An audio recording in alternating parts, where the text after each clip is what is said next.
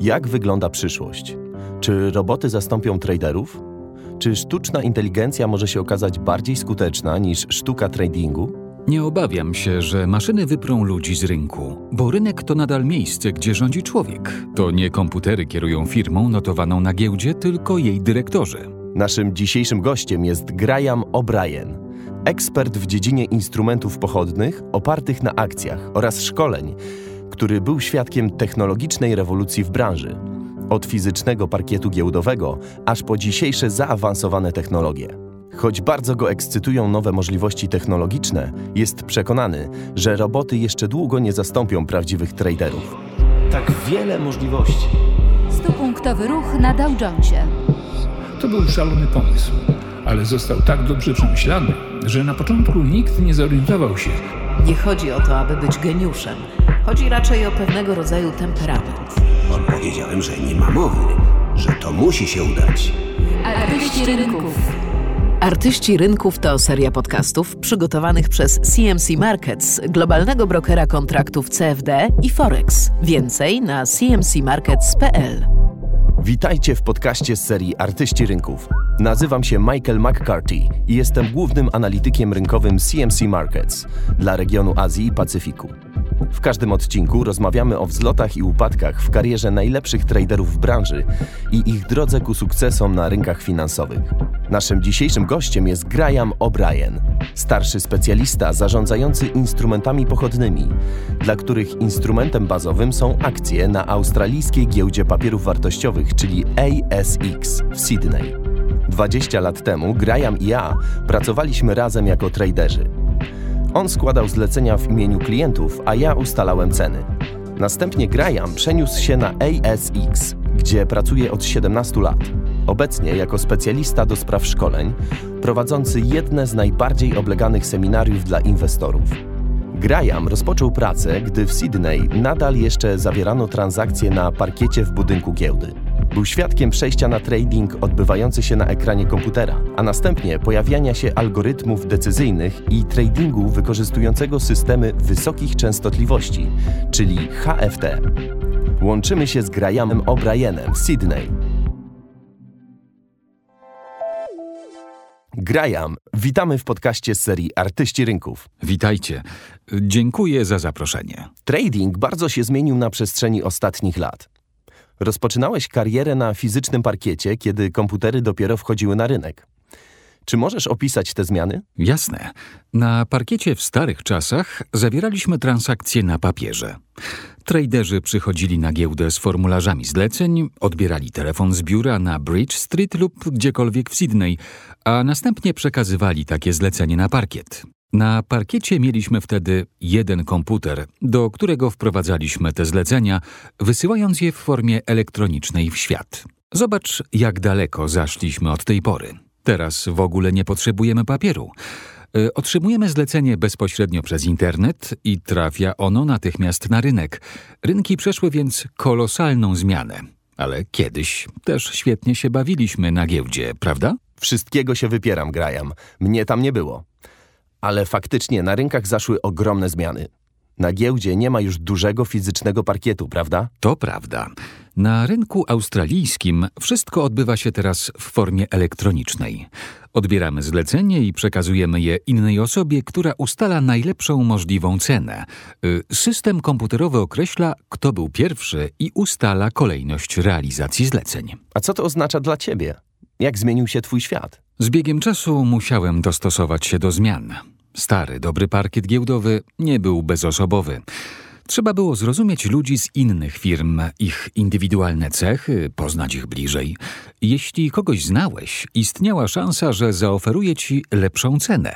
Hm. Dziś mamy przed sobą ekran komputera. Nie ma twarzy, są liczby na ekranie. Pierwszeństwo ma ten, kto da najlepszą cenę. Nie ma już przyjaźni, które zawieraliśmy na parkiecie. Teraz liczy się tylko cena na ekranie. Społeczność traderów jest teraz znacznie bardziej rozproszona, prawda? Zgadza się. Kiedyś wszyscy jej członkowie spotykali się na przykład na imprezie świątecznej. Teraz odbywa się to tylko w ramach firmy. Inne firmy są dla nas konkurencją. Mm, Kiedyś wszyscy tworzyliśmy jedną wielką społeczność. Zawsze przypomina mi się stara kreskówka Warner Bros. o psie pasterskim i wilku. Ralph i jego... Och, nie pamiętam. Ja chyba byłem Ralfem, a ty byłeś psem pasterskim. Ja byłem wilkiem, który chciał porwać owce, a ty psem pasterskim, który ich pilnował. Ale na koniec dnia razem odbijaliśmy kartę, wychodząc z pracy. Dobranoc, Ralph, dobranoc sam. Tak było. Na parkiecie walczyliśmy ze sobą. Mieliśmy sprzeczne interesy, czasem popadaliśmy w konflikty. Ale kiedy tylko rozbrzmiewał dzwonek na koniec dnia, wszyscy spuszczaliśmy z tonu, gawędziliśmy ze sobą, szliśmy na piwo lub dwa. Dokładnie tak. Ludzie też często zmieniali firmy, dla których pracowali. Panowało więc podejście: Dziś jestem twoją konkurencją, ale jutro możemy pracować razem. To było ciekawe. Trzeba było znać wszystkich traderów, którzy pracowali na giełdzie. Właśnie. Dobrze, wróćmy teraz do technologii, które obecnie królują na rynku. Wydaje się, że algorytmy odwalają często za nas czarną robotę.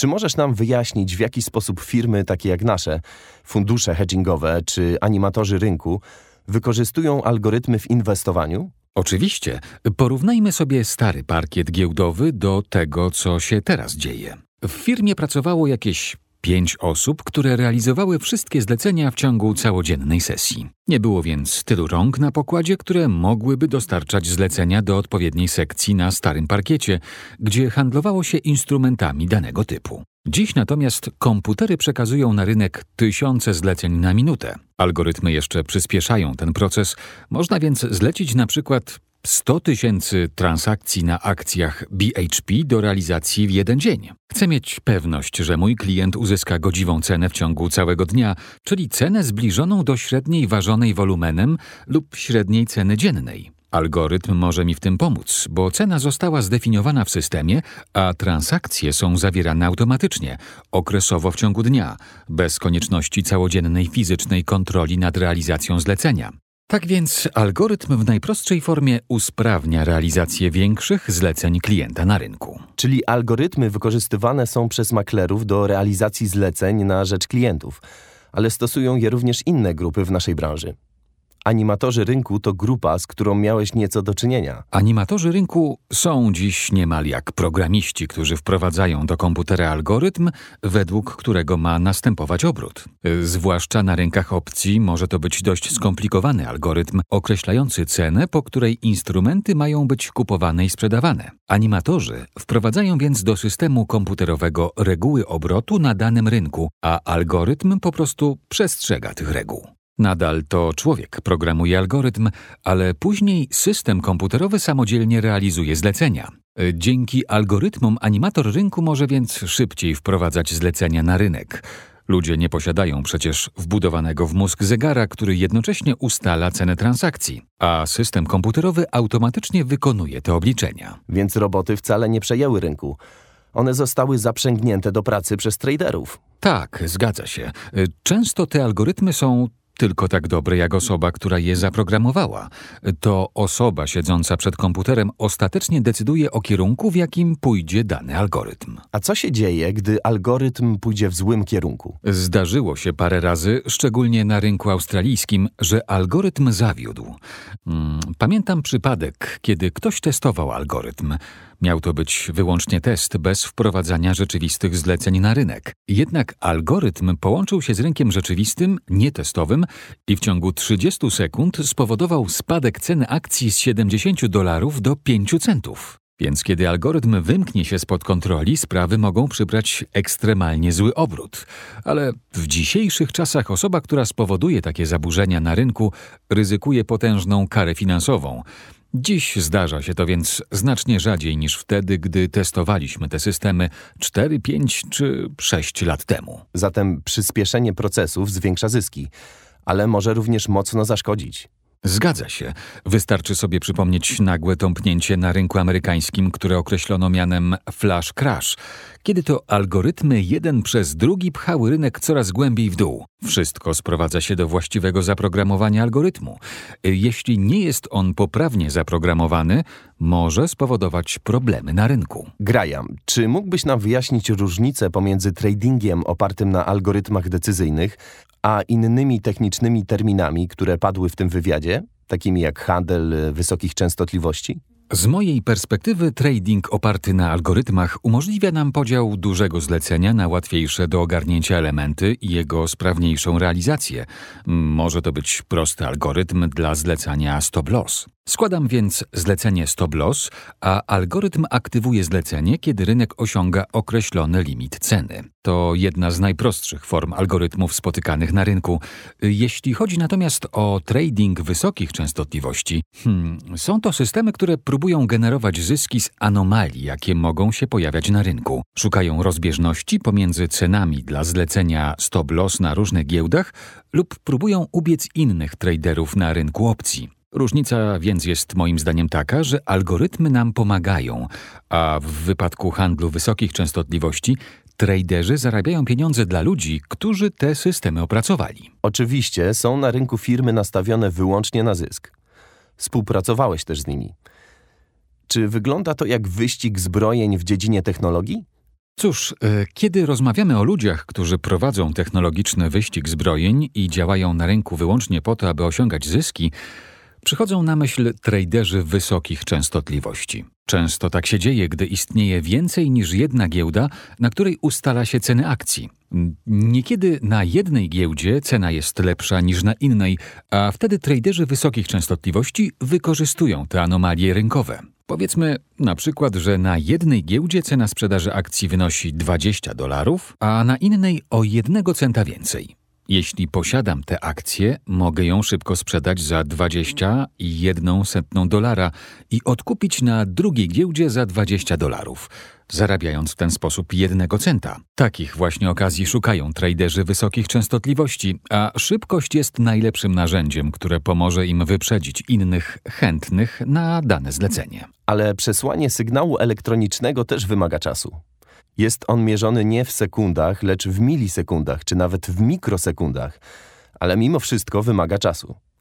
W jaki sposób można zapewnić równe szanse dla wszystkich? Jest jedna rzecz, którą giełdy robią w celu wyrównania szans, a i Urząd Regulacji Giełdy w Australii ostatnio się nad tym pochylił. Widząc, co dzieje się na innych rynkach, australijski regulator zrozumiał, że w sytuacji technologicznego wyścigu zbrojeń jedna osoba uzyskuje dostęp do zlecenia szybciej niż inna a to oznacza, że warunki gry rynkowej nie są sprawiedliwe. Zatem na australijskiej giełdzie papierów wartościowych przewody biegną przez dach, czyli Centrum Danych Finansowych, gdzie mieszczą się wszystkie systemy komputerowe giełdy. Hm, nawet więc jeśli mój komputer czy systemy znajdują się w pokoju obok, to kabel łączący mój komputer z serwerem giełdy i tak przebiega przez dach. Sztuczka polega na tym, aby każdy kabel w centrum danych miał dokładnie tę samą długość. Możemy mieć więc 150 komputerów w jednym centrum, ale każdy z nich ma kabel dokładnie tej samej długości, bo w przeciwnym wypadku jeden trader mógłby uzyskać nad resztą przewagę rzędu jednej mikrosekundy. Wow. Kable mają więc dokładnie taką samą długość, co do mikromilimetra. Czyli te historie, że kable biegną wokół budynku giełdy, aby wszyscy mieli równe szanse, są prawdziwe? Zgadza się. Kable biegną wokół dachu. Nie pytaj mnie tylko, jak technicy je układają i serwisują, bo tego nie wiem. Nie ogarniam nawet przedłużaczy we własnym domu, a co dopiero kabli na dachu giełdy. W jakim punkcie znajduje się obecnie? Jak zaawansowane są dzisiejsze technologie? Są zaawansowane. Przejście od algorytmów aż po systemy wysokich częstotliwości zajęło nam 6 czy 7 lat. W tamtym czasie w Australii zlecenia klientów wciąż jeszcze wprowadzało do obrotu pięciu czy sześciu ludzi pracujących w ramach regularnego instytucjonalnego trading desku. W tej chwili w niektórych firmach mamy tylko dwie osoby, które składają zlecenia w imieniu klientów, a komputery przejęły rolę pozostałych czterech. Stało się tak dlatego, że algorytmy stały się sprytniejsze i nie popełniają już błędów, gdy pozycja zmienia się na niekorzyść inwestora. Coraz lepiej rozumieją ruchy na rynku, a w miarę upływu czasu będą jeszcze bardziej ewoluować.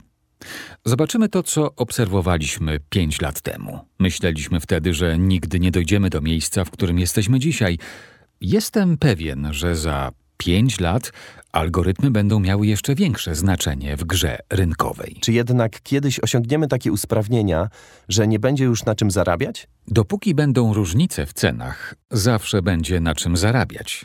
Nie sądzę, żebyśmy kiedykolwiek znaleźli się w punkcie, w którym każda giełda oferować będzie dokładnie taką samą cenę za jakiś instrument, na przykład akcje BHP. Y, ilekroć istnieje różnica w cenach pomiędzy giełdami, istnieje możliwość osiągnięcia zysku, a dopóki taka możliwość istnieje, stosowane będą systemy, które nam to umożliwią. A czego musimy się obawiać ze strony technologii? Nie sądzę, abyśmy musieli się obawiać technologii jako takich. Nasze obawy może budzić jedynie to, co zostanie w nich zaprogramowane. Dobieramy najlepszych brokerów, szczególnie dotyczy to menadżerów funduszy, którzy zarządzają tu w Australii naszymi pieniędzmi emerytalnymi. Oni naprawdę zarządzają ogromnymi środkami. Wybierają więc brokera, który programuje algorytmy, a następnie wybierają najlepszy możliwy algorytm. I jedyne, czego powinniśmy się obawiać w przyszłości, to niewłaściwe działanie algorytmu. Chodzi o błędy. Tak, to błędów obawiałbym się najbardziej. Wokół nowych technologii narosło jednak wiele obaw. Jak myślisz, dlaczego? Sądzę, że ludzie boją się technologii, ponieważ czują, że tracą kontrolę. Myślę, że to jest źródło tych obaw. Jeśli jestem zwykłym inwestorem wchodzącym na rynek australijski lub zwykłym traderem, skąd mam wiedzieć, że posiadam pełną kontrolę nad systemem, który obsługuje moje zlecenie? Jako inwestorzy musimy uzyskać jakieś zapewnienie, że jestem bezpieczny, że nikt nie złamie jego zabezpieczeń i nie wejdzie w posiadanie naszych danych. Hmm, to jest powszechna obawa. Inwestorzy obawiają się również, że ktoś może nieumyślnie zmienić ich zlecenie i doprowadzić do zawarcia innej transakcji niż planowali, e, albo że algorytm może nagle aktywować zlecenie stop loss i trader może zostać zmuszony do wyjścia z zajętej pozycji. E, myślę, że ludzie się tego głównie obawiają. Jednak nie tylko giełdy, ale i urzędy regulacyjne wprowadzają mechanizmy kontrolne, e, które mają zapewnić, aby systemy działały właściwie, a nie na szkodę klientów. Zawsze jest jakiś policjant, sprawdzający nawet te algorytmy, które są stosowane przy realizacji zleceń składanych za pośrednictwem brokerów. Graham. Wszystkich naszych gości pytaliśmy o najlepsze i najgorsze doświadczenia. Jaki jest zatem najlepszy algorytm lub najlepszy system transakcyjny, z jakim się spotkałeś? Hmm, gdybym miał wybrać najlepszy system transakcyjny na rynku, yy, wróciłbym do starych czasów na parkiecie giełdowym, kiedy przeszliśmy na ekrany do tradingu. Najlepszy system, jaki widziałem, został wówczas opracowany przez Credit Suisse i chyba jeszcze jedną firmę. Credit Suisse zatrudnił programistę systemu. Jak mówiłem, był to moment przejścia z fizycznego parkietu na trading przed ekranem komputera. Faktycznie sprowadzili tego programistę na parkiet i powierzyli mu rolę animatora rynku. Robił to, czym ty zajmowałeś się w tamtym czasie, ale był to programista, który nie miał pojęcia, jak animować rynek. Jednak to on właśnie programował ich system, więc sprowadzili go na kilka tygodni i od razu, gdy przenieśliśmy się z parkietu przed ekrany komputerów, Credit Suisse uzyskał przewagę nad innymi, bo ich programista zrozumiał, czym zajmują się animatorzy rynku. Hm. W zasadzie więc nie tyle był to najlepszy system, co najlepsze zastosowanie technologii w tamtych czasach. Efektywny proces. Tak. I myślę, że w tym kierunku będziemy szli dalej. Animatorzy rynku czy traderzy wysokich częstotliwości poszukują najzdolniejszych i najbystrzejszych studentów z najlepszymi stopniami w indeksie. Mogą oni być inżynierami lub analitykami komputerowymi, ale tylko ci, którzy dobrze rozumieją naszą branżę, będą osiągać najlepsze wyniki. Wiem, jaką masz opinię na ten temat ale wyniki ubiegłorocznego badania wskazują, że ci spośród traderów wykorzystujących systemy wysokich częstotliwości, którzy wsłuchują się w sygnały własnego ciała, w bicie swojego serca, osiągają lepsze wyniki i dłużej utrzymują się na rynku. Czy też to zauważyłeś? Tak, zdecydowanie. Jeśli tylko dobrze rozumieją tę branżę, a nie tylko programują komputer, aby zarabiać na kupnie czy sprzedaży po określonej cenie, jeśli rozumieją anomalie powstające na rynku australijskim względem innych rynków, osiągają zdecydowanie lepsze wyniki.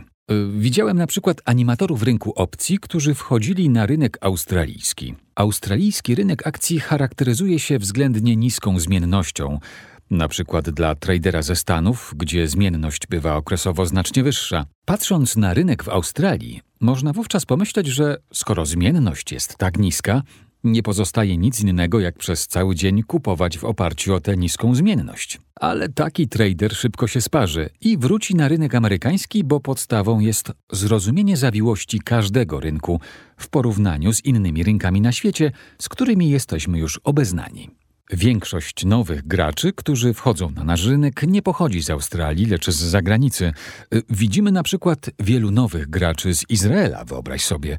To sprytni traderzy wysokich częstotliwości, którzy szukają w Australii rynku dla swoich systemów. Mają rezerwy kapitału i chcą trochę zarobić również na rynku australijskim. Więc rynek australijski staje się rynkiem międzynarodowym. Zdecydowanie tak. Poza rynkiem akcji mamy również ciekawą sytuację na rynkach stóp procentowych w Australii.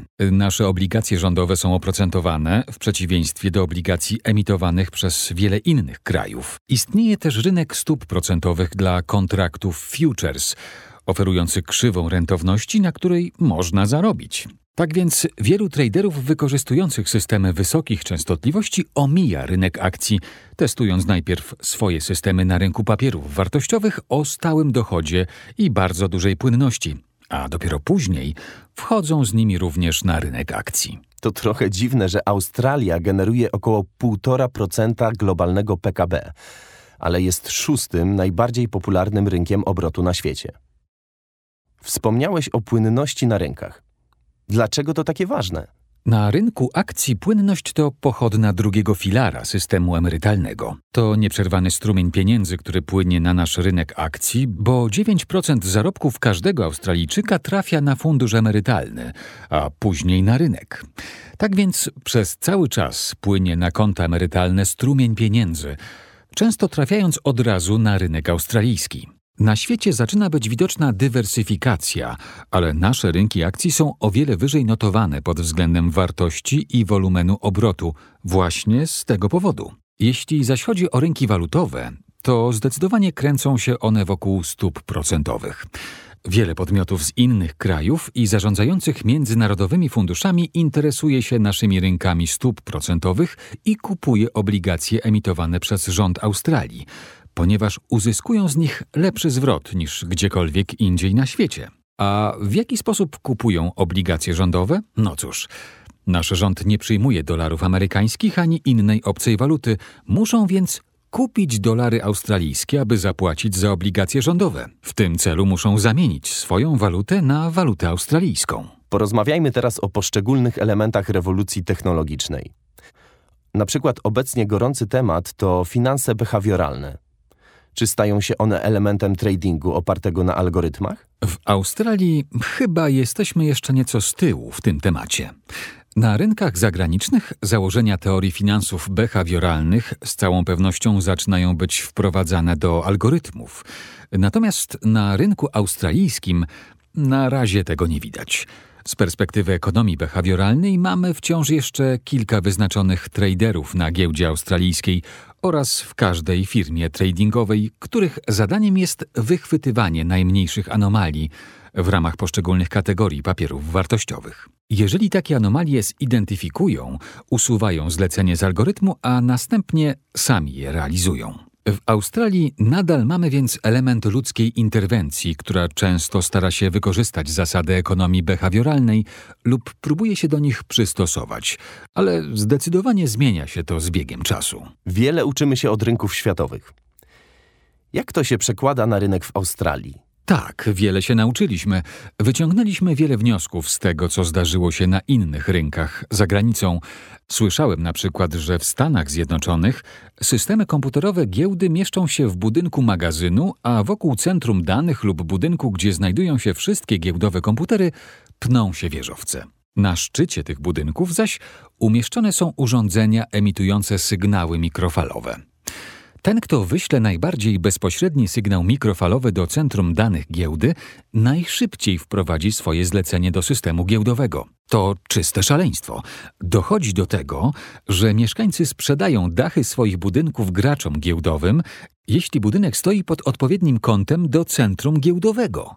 Dzięki temu firma zajmująca się handlem wysokich częstotliwości uzyskuje najlepszą możliwą prędkość przesyłu danych. W Australii nie pozwalamy, aby sygnały mikrofalowe docierały do centrów giełdowych. Wyciągnęliśmy więc wnioski z tej historii i uznaliśmy, że nie chcemy, aby nagle wokół wzgórza Gor czy innych miejsc, gdzie zlokalizowane są systemy ASX, wyrosły wieżowce. I nie chcemy, aby z dachu pobliskiego szpitala i tym podobnych miejsc emitowano sygnały mikrofalowe. Absolutnie nie. Giełdy sprzedawały również stanowiska na komputery w bezpośrednim sąsiedztwie systemu giełdowego za wyższą cenę. Tak więc powstała sytuacja, kiedy traderzy zaczęli konkurować o najlepszą lokalizację swojego systemu komputerowego w giełdowym centrum danych. Zaczęły się licytacje.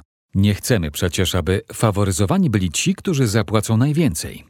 Chcemy równych szans dla wszystkich. I to właśnie jest lekcja, której nauczyliśmy się w Australii. Czyli czasem opłaca się nie być w awangardzie i uczyć się na błędach pionierów. Dokładnie. Czy w Australii jest możliwe nagłe tąpnięcie na giełdzie, czyli tak zwany flash crash?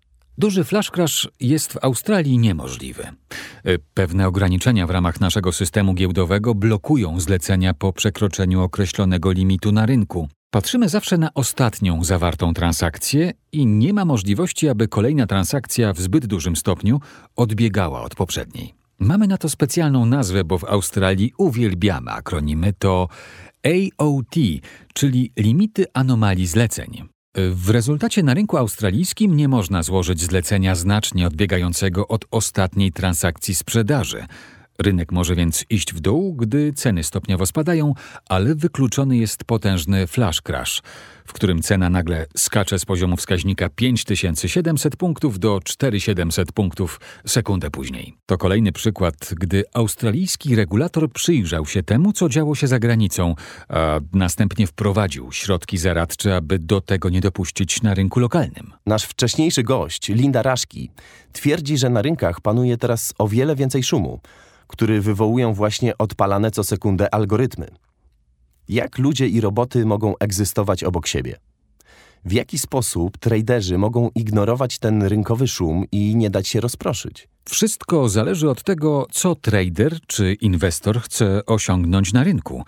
Najpierw weźmy pod uwagę inwestorów, którzy zawierają transakcje zakupu i sprzedaży z długim horyzontem czasowym. Taki inwestor nie powinien zwracać uwagi na szum wywołany zmianą ceny na ekranie co jedną milisekundę z jednego do dwóch centów i z powrotem. Zamiast tego powinien zastanowić się, y, co kupione przez niego akcje czy towary giełdowe oferują w długim horyzoncie czasowym, a szum rynkowy nie powinien go w najmniejszym stopniu niepokoić. Powinien ustalić pożądaną cenę i na tej podstawie wychodzić z inwestycji. Natomiast trader, który przeprowadza transakcje z krótszym horyzontem czasowym, zauważy spadek kosztów. Zauważy też, że kurczy się odległość między ceną zakupu a sprzedaży, Nadal jednak uważam, że nie powinien on zwracać uwagi na rynkowy szum i skoki notowanie rzędu jednego czy dwóch centów. Niezależnie od kosztów ponoszonych w danej chwili, i tak powinien czekać na zmianę ceny akcji, indeksu czy towaru o 3, 4, a nawet 5 centów, zanim zamknie pozycję i zainkasuje zysk. Powinien jednak mieć na uwadze ustalony w systemie limit do zleceń stop loss – ponieważ każda transakcja wywołana tymi niewielkimi ruchami na rynku o 1 czy 2 centy y, może spowodować osiągnięcie poziomu stop loss. Należy więc większą uwagę poświęcić limitom dla zleceń stop loss niż składaniu zleceń. Nie pokonasz algorytmu siedząc przed komputerem w domu i wciskając klawisz, żeby wprowadzić zlecenie na rynek. Należy przewidywać ruchy kursów. Algorytm nie bierze tego pod uwagę. Interesuje go bieżąca cena zakupu i szuka możliwości błyskawicznej odsprzedaży danego waloru na innej giełdzie za cenę trzykrotnie wyższą. Często nie przewiduje, w którą stronę może pójść jego kurs. To prawda. Czyli jest całkiem możliwe, że obie strony transakcji mogą na tym skorzystać. Dokładnie tak jest. A jak według Ciebie wygląda przyszłość? Myślę, że czeka nas dalsza ewolucja. Stosowane dzisiaj algorytmy będą dalej rozwijane, bo nadal ich działanie wykazuje pewne anomalie. Zdarza się, że kurs akcji może jednego dnia wystrzelić w górę na otwarciu giełdy, a nazajutrz znowu spaść. Niektóre algorytmy mogą zacząć podążać za tym trendem, choć był to tylko jednodniowy ruch. Myślę, że algorytmy zaczną analizować szerszy obraz rynku na podstawie danych historycznych i staną się o wiele bardziej efektywne w odniesieniu do tego, co faktycznie się na nim dzieje. Na tym będzie polegać ewolucja, nie na tworzeniu wielu nowych algorytmów, a na krótkoterminowych modyfikacjach tych, które już istnieją. Następnie, być może w algorytmach u nas w Australii, zaczną być stosowane odkrycia ekonomii behawioralnej, podobnie jak ma to miejsce za granicą. Wykorzystujemy obecnie wiele technologii. Rynki działają o wiele szybciej niż kiedyś. Czy jesteśmy jednak mądrzejsi niż 20 lat temu? Na pewno jesteśmy zdecydowanie sprawniejsi. Liczba zleceń i transakcji giełdowych jest obecnie 100 razy większa niż jeszcze 10 czy 15 lat temu. Obsługa zleceń na rynku jest zdecydowanie szybsza, ale mądrość nadal zależy od tego, czy potrafimy trafnie przewidzieć ruchy rynku w przyszłości. A to, jak przewidujemy rozwój sytuacji na rynku, nie zmieniło się przez ostatnie 10 czy 15 lat. Nadal są analitycy, którzy mylą się w swoich ocenach, rekomendują zakup akcji, a tymczasem ich cena znacznie spada. Myślę, że to się akurat nie zmieni ale na pewno zwiększyła się efektywność i uważam, że będzie to nadal szło w tę stronę. A czy zbliżamy się już do granicy usprawnień, które technologie mogą nam pomóc osiągnąć? Nie sądzę. Pięć czy dziesięć lat temu nigdy byśmy nie pomyśleli, że trading będzie wyglądał tak, jak wygląda dzisiaj. Za kolejnych pięć czy dziesięć lat nowe technologie będą jeszcze bardziej zaawansowane. Wydaje mi się, że możliwości w zakresie rozwoju technologii oraz usprawnień, y, które możemy dzięki nim osiągnąć, są nieograniczone. Ale czy nie obawiasz się, że maszyny ostatecznie wyprą ludzi z rynku? Nie obawiam się, że maszyny wyprą ludzi z rynku, bo rynek to nadal miejsce, gdzie rządzi człowiek. Mm, to nie komputery kierują firmą notowaną na giełdzie, tylko jej dyrektorzy. Aby podjąć decyzję, czy chcemy akcje danej spółki kupić lub sprzedać, nadal musimy odczuwać jakąś osobistą motywację. W dłuższym horyzoncie czasowym ludzie nie handlują akcjami po to, by generować szybkie zyski. Większość dokonuje inwestycji kapitałowych licząc na wzrost ich wartości w dłuższym okresie. Więc nadal to człowiek musi zrozumieć, co robią inni ludzie. Z perspektywy traderów, branża będzie oczywiście podlegać ewolucji, a komputery będą przejmować coraz więcej funkcji. Jednak to do człowieka będzie należeć ostateczna decyzja o kupnie lub sprzedaży. To prawda. No i ktoś musi napisać algorytm. Dokładnie tak. A czy nie obawiasz się, że maszyny zyskają samoświadomość? Cóż, y, moim zdaniem maszyny już ją zyskują, bo są w stanie modyfikować własny algorytm. Widzą, co dzieje się na rynku z dnia na dzień, jak zmienia się jego dynamika, muszą więc modyfikować swój algorytm, aby lepiej reagować na sytuację rynkową. Y, jeśli chodzi o sztuczną inteligencję w kontekście świadomej decyzji, w które akcje zainwestować, a które odrzucić, to nie sądzę, abyśmy byli na tym etapie. I sądzę, że ten moment jest jeszcze bardzo odległy. Natomiast jeśli chodzi o decyzję o kupnie lub sprzedaży akcji w określonym momencie, to uważam, że to się już zaczyna. Wspomniałeś o największym wyzwaniu na rynku, czyli o trafnym przewidywaniu przyszłości. Ewidentnie nikt z nas nie jest nieomylny. Co można uznać za niezły wynik w przewidywaniu przyszłości? Pozytywny bilans wygranych do porażek. Ale czy 51% trafień wystarczy, aby uznać to za dobry wynik? Nie, w tradingu 51% to za mało. Należy utrzymywać dobre trafienia i szybko zamykać nietrafione pozycje. Nawiasem mówiąc, wychodzenie z nietrafnych wyborów jest moim zdaniem ważniejsze.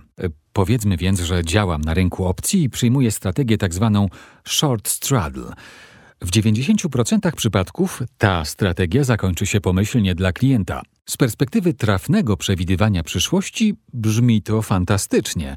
W 5% przypadków stracimy trochę pieniędzy, a w 2% sporo pieniędzy. No i zostaje ten 1%, kiedy stracimy nie tylko pieniądze, ale także dom, samochód i zapewne również żonę. Chodzi więc o to, aby nie tylko utrzymywać zyskowne pozycje, ale również szybko zamykać te, które obstawiliśmy nietrafnie. Osoba, która to rozumie, może być przykładem do naśladowania na rynku. Kluczem jest dyscyplina. Dyscyplina jest bardzo ważna, to prawda. Na rynku funkcjonują systemy transakcyjne wysokich częstotliwości, systemy, z których korzystają inwestorzy instytucjonalni. Jesteśmy jednak świadkami ewolucji i wkraczania tych systemów do przestrzeni klienta indywidualnego. Y, w tej przestrzeni działają zarówno traderzy, jak i inwestorzy, którym systemy pomagają w podejmowaniu decyzji. Potrzebują lepszych narzędzi do tworzenia wykresów i monitorowania funduszy, którymi sami zarządzają. To właśnie w tym obszarze rynek w Australii naprawdę ewoluuje. Osoby indywidualne dysponują coraz lepszymi narzędziami.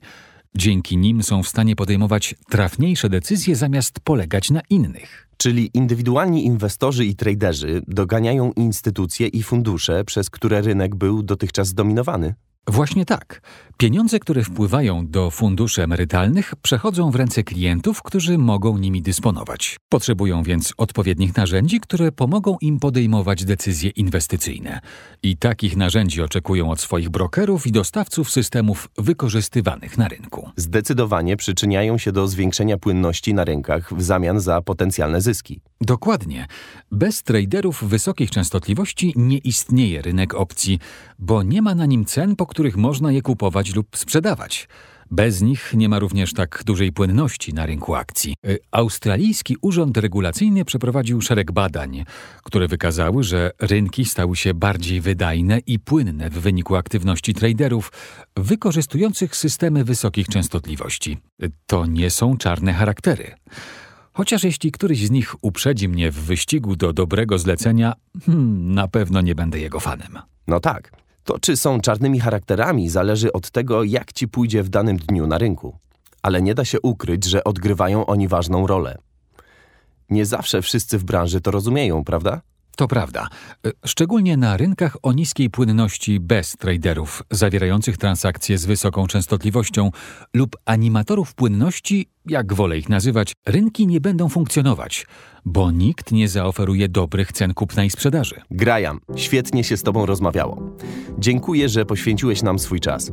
Trzymaj się. Ja również dziękuję za zaproszenie. Naszym gościem był Graham O'Brien. Artyści Rynków to autorska seria podcastów CMC Markets, globalnego lidera transakcji online. Aby być na bieżąco z nowymi odcinkami, zachęcamy do subskrypcji za pomocą aplikacji, z których korzystacie, by słuchać podcastów. Udostępniajcie nasze podcasty znajomym i zostawcie nam swoją opinię. Dziękujemy za udział w dzisiejszej audycji. Nazywam się Michael McCarthy, a to był ósmy odcinek serii Artyści Rynków.